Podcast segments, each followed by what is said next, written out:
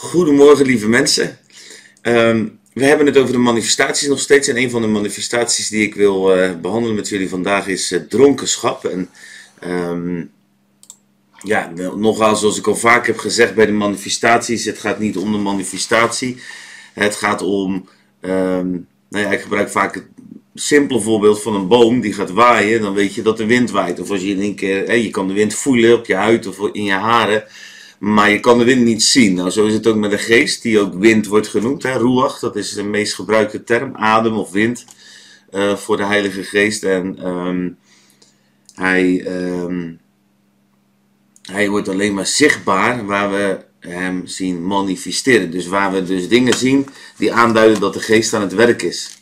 En dat maakt het wel eens lastig. Hè? Dus... Uh, net zo goed als in het natuurlijke zou een boom ook kunnen bewegen doordat er iemand ingeklommen is bijvoorbeeld. Of doordat er een trekker uh, aan staat of iemand aan staat te hakken. Kijk, een boom kan, kan op meerdere manieren bewegen. Hoe weet je dan of het van de wind is? Hè? En zo werkt het ook met waar we nu zijn met de Heilige Geest. Hoe, werkt, hoe weet je nou dat het van de Heilige Geest is? Als je een manifestatie ziet en, um, en hoe kan je daar ook door zijn ruimte aangeven? Dat is denk ik waar het filmpje, uh, waarom ik dit filmpje over dronkenschap ook wil maken. Omdat ik denk dat er soms, en dat zie ik tenminste, dat heb ik in mijn eigen leven ervaren, als je dan uh, je niet zozeer bewust bent van uh, hoe de verschijningsvormen kunnen zijn als de Heilige Geest gaat werken, je ook onbewust eigenlijk weerstand kan krijgen tegen het werk van de Heilige Geest. Elke keer bijna benadruk ik, maar dat is denk ik ook belangrijk, want uh, we schieten nogal gauw ons doel voorbij als mensen, dat het niet gaat om de manifestaties, maar dat het gaat over de God achter de manifestaties. He, dat het gaat over de Heilige Geest. Als je je gaat focussen op de manifestaties zelf, dus als je de hele dag naar die boom gaat te kijken die heen en weer gaat, of als je helemaal op zoek bent naar een boom die heen en weer gaat om te weten of de wind waait, dan schiet je je doel voorbij. Dan ben je meer bezig met de manifestaties als met de, met de, met de met de Heilige Geest die erachter zit. En als dat een doel op zichzelf wordt, dan loopt het altijd uit de hand. Dat hebben we in de kerkgeschiedenis gezien, ook recente geschiedenis. Als de manifestaties het doel worden in plaats van dat de Heilige Geest het doel is en blijft, dan kan het erg uit de hand lopen. Daarom is het goed om een balans te vinden over, en daarom is het ook goed, hè, de balans tussen woord en geest. Dus wat zegt het woord eigenlijk? Hè? Als een soort frame om het werk van de geest heen, zodat we niet te snel um, ontsporen in allerlei zielse ervaringen en zielse gevoelens die we dan projecteren op de Heilige Geest. Um, goed. Aan de andere kant moeten we niet te bang zijn om uh, dat we dan eigenlijk met het kind het badwater weggooien. Dus als we in de Bijbel namelijk gaan lezen, en we hebben de afgelopen tijd dat al heel wat gedaan over de Heilige Geest, dan kom je gewoon best bijzondere uh, dingen tegen. Nou, een van de dingen die heel bijzonder is, is dat uh, de, de de Heilige Geest en dronkenschap, of de Heilige Geest en wijn en al dat soort dingen, nogal veelvuldig met elkaar in verband worden gebracht. En eh, ik heb daar natuurlijk een filmpje over gemaakt, over de Heilige Geest en het metafoor van wijn. Dus ik verwijs daar ook even naar. Als je die wil kijken, dan komt hier ergens een i'tje, als het goed is, in beeld, uh, waarop je door zou kunnen klikken naar het filmpje over wijn.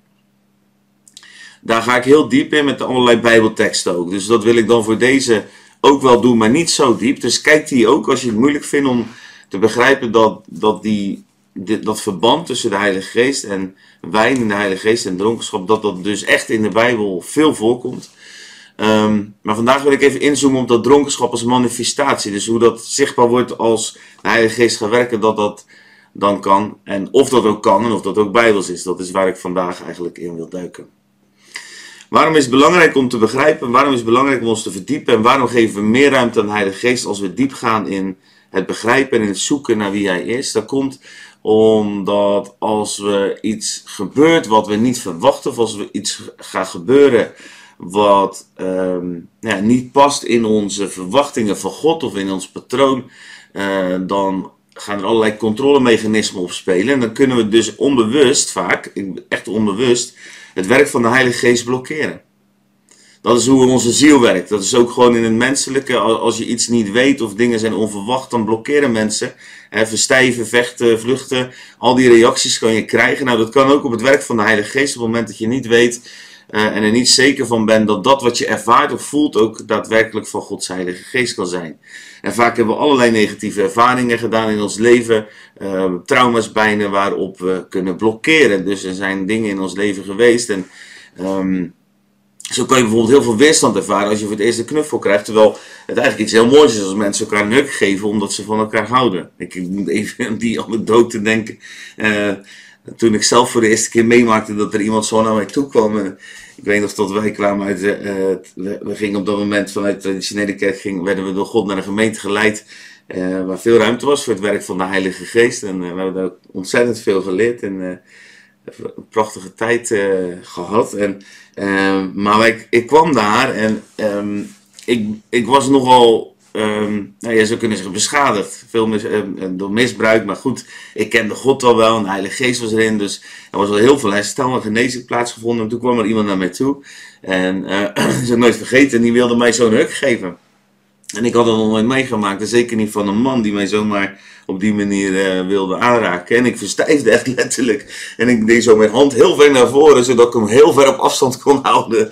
En later uh, noemde deze man mij altijd de knuffelbeer. Toen was ik dus zo veranderd dat ik, ehm, mede door zijn geduld en zijn liefde, en ook doordat hij niet daarin dwangmatig was, maar mij gewoon even de, de tijd gaf om daarover te praten en eraan te wennen. En um, ja, werd ik van een, iemand die dat ver afhield, zelf iemand die heel graag en heel veel liefde op die manier ook uit kan delen op een gezonde, goede manier.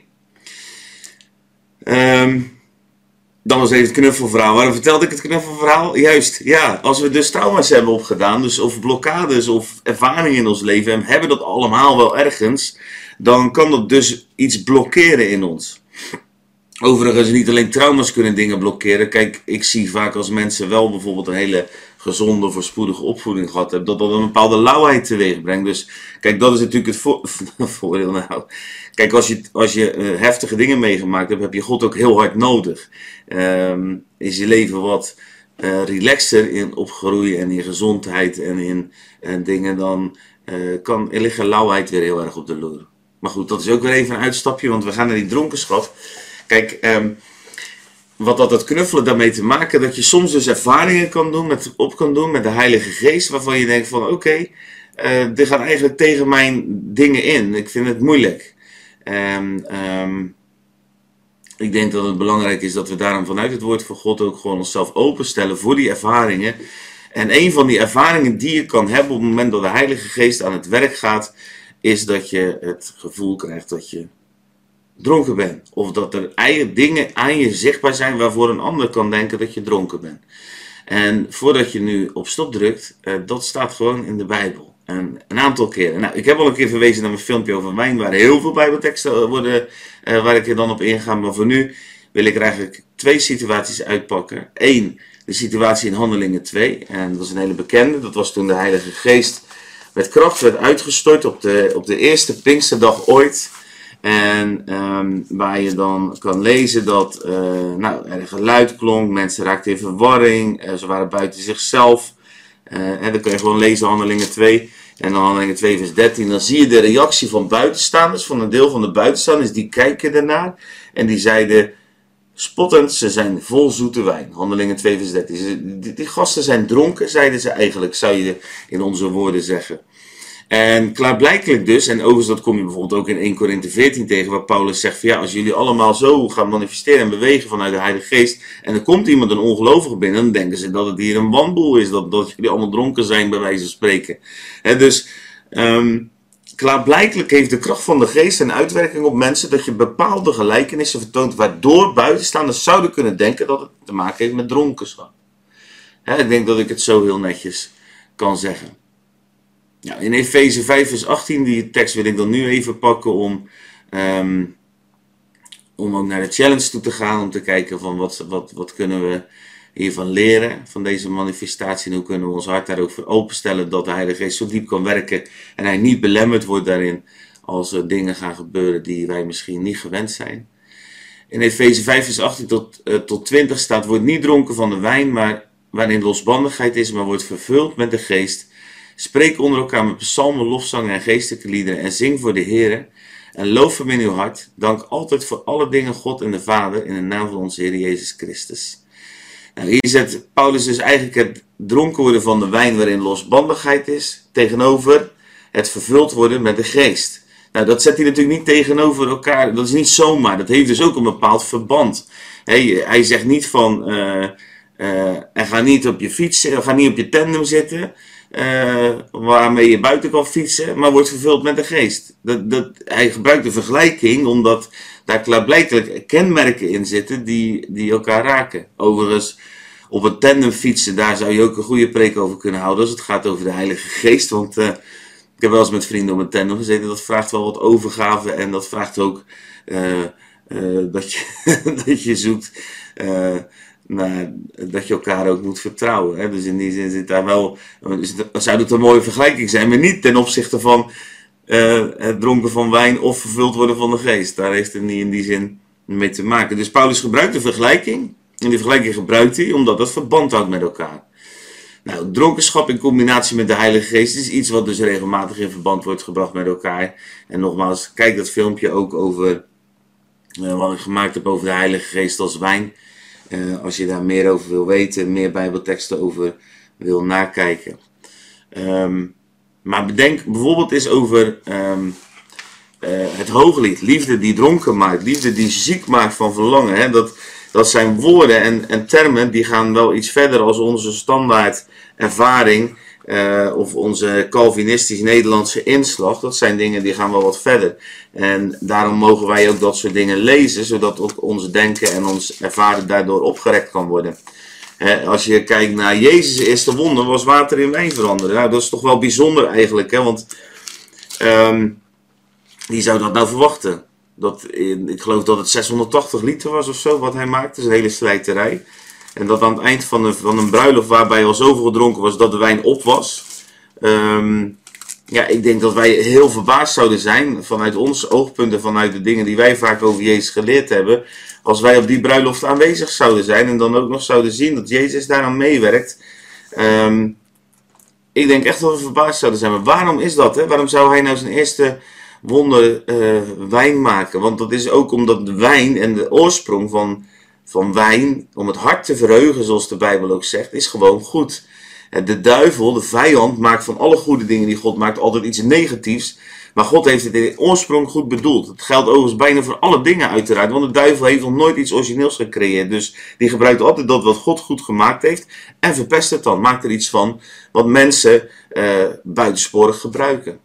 Nou, Jezus die maakt daar denk ik ook een statement tegen. Dat op het moment dat hij wijn maakt als eerste wonder is dat eigenlijk natuurlijk heel bijzonder. Dat dat specifiek dat wonder zijn eerste wonder is. En grappig dat dus als de Heilige Geest voor het eerst in een nieuwe bedeling komt, in het Nieuwe Testament, zich op, op, op die manier openbaart dat hij op alle vlees uitgestort wordt in Handelingen 2, dat daar eigenlijk ook weer te maken heeft met dronkenschap en wijn. Dus waar Jezus zijn eerste werk deed en waar de Heilige Geest in het Nieuwe Testament zijn eerste werk deed, hadden beide uh, allerlei uh, te maken met ja, vormen van dronkenschap, zou je kunnen zeggen.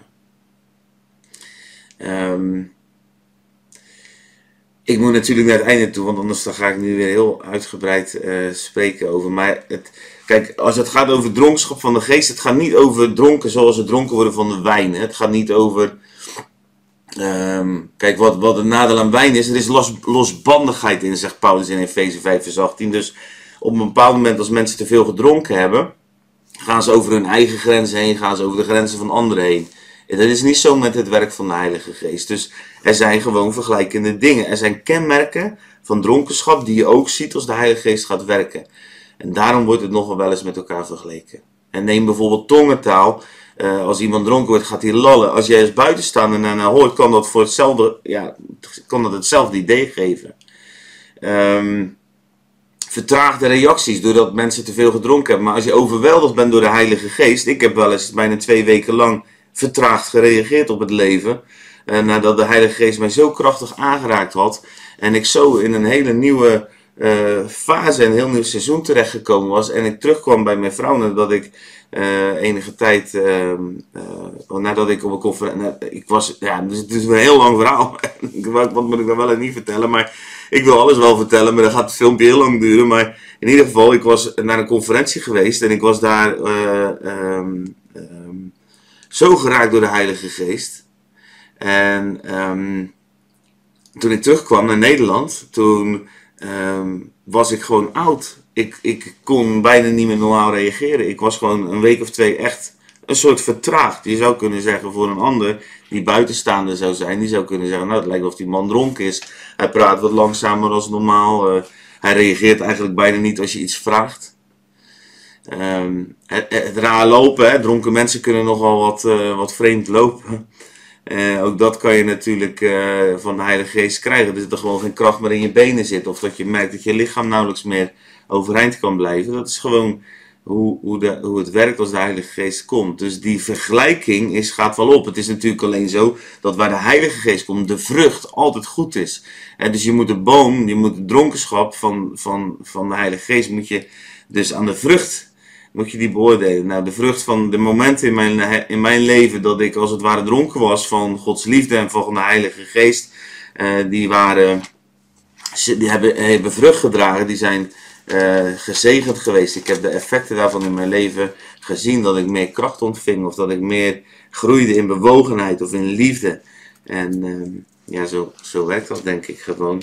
En zo kunnen we dat dus ook terugvinden um, in Hooglied het hele hooglied staat vol met dit soort verwijzingen. Ik heb mijn wijn met mijn melk gedronken. Eet, vrienden, drink en word dronken, geliefde. En zo gaat dat maar door. Dus er is een voortdurende dronkenschap van de liefde. Um, een, een, een, houden van en het hooglied, dat gaat natuurlijk over hè, menselijke liefde, maar er zit een hele diepe laag in, juist van de liefde tussen de bruid en tussen, uh, tussen Jezus en de Heilige Geest, die daar doorheen ook de connectie is. En um, je vindt dit ook altijd zo mooi in Hooglied 2, vers 5. Sterk mij met rozijnenkoeken, verkwik mij met appels, want ik ben ziek van liefde. Je, je kan gewoon helemaal ziek zijn van Gods liefde. En ik heb dat letterlijk ook meegemaakt in mijn leven.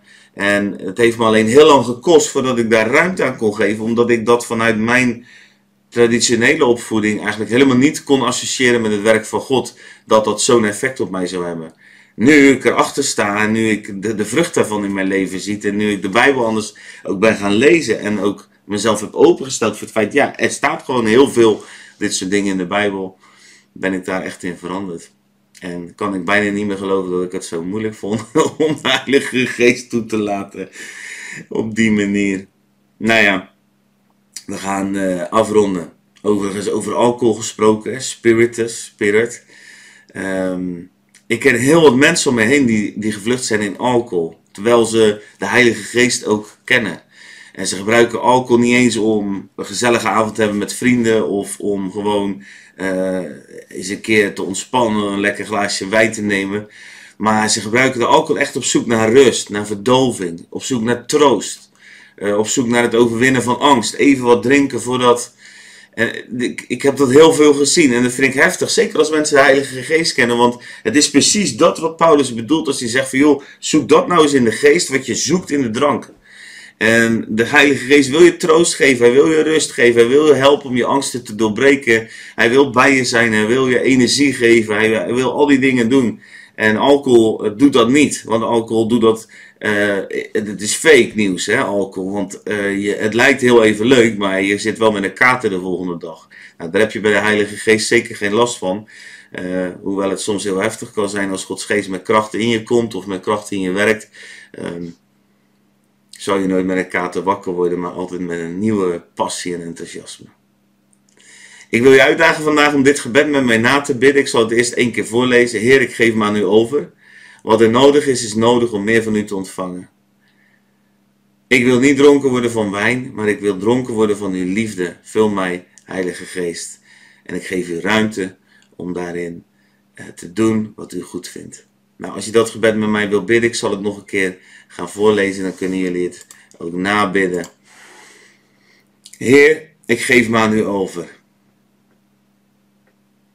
Wat nodig is, is nodig voor meer van u in mijn leven. Ik wil niet dronken worden van de wijn, maar ik wil dronken worden van uw liefde. Vul mij, Heilige Geest. In Jezus' naam. Amen.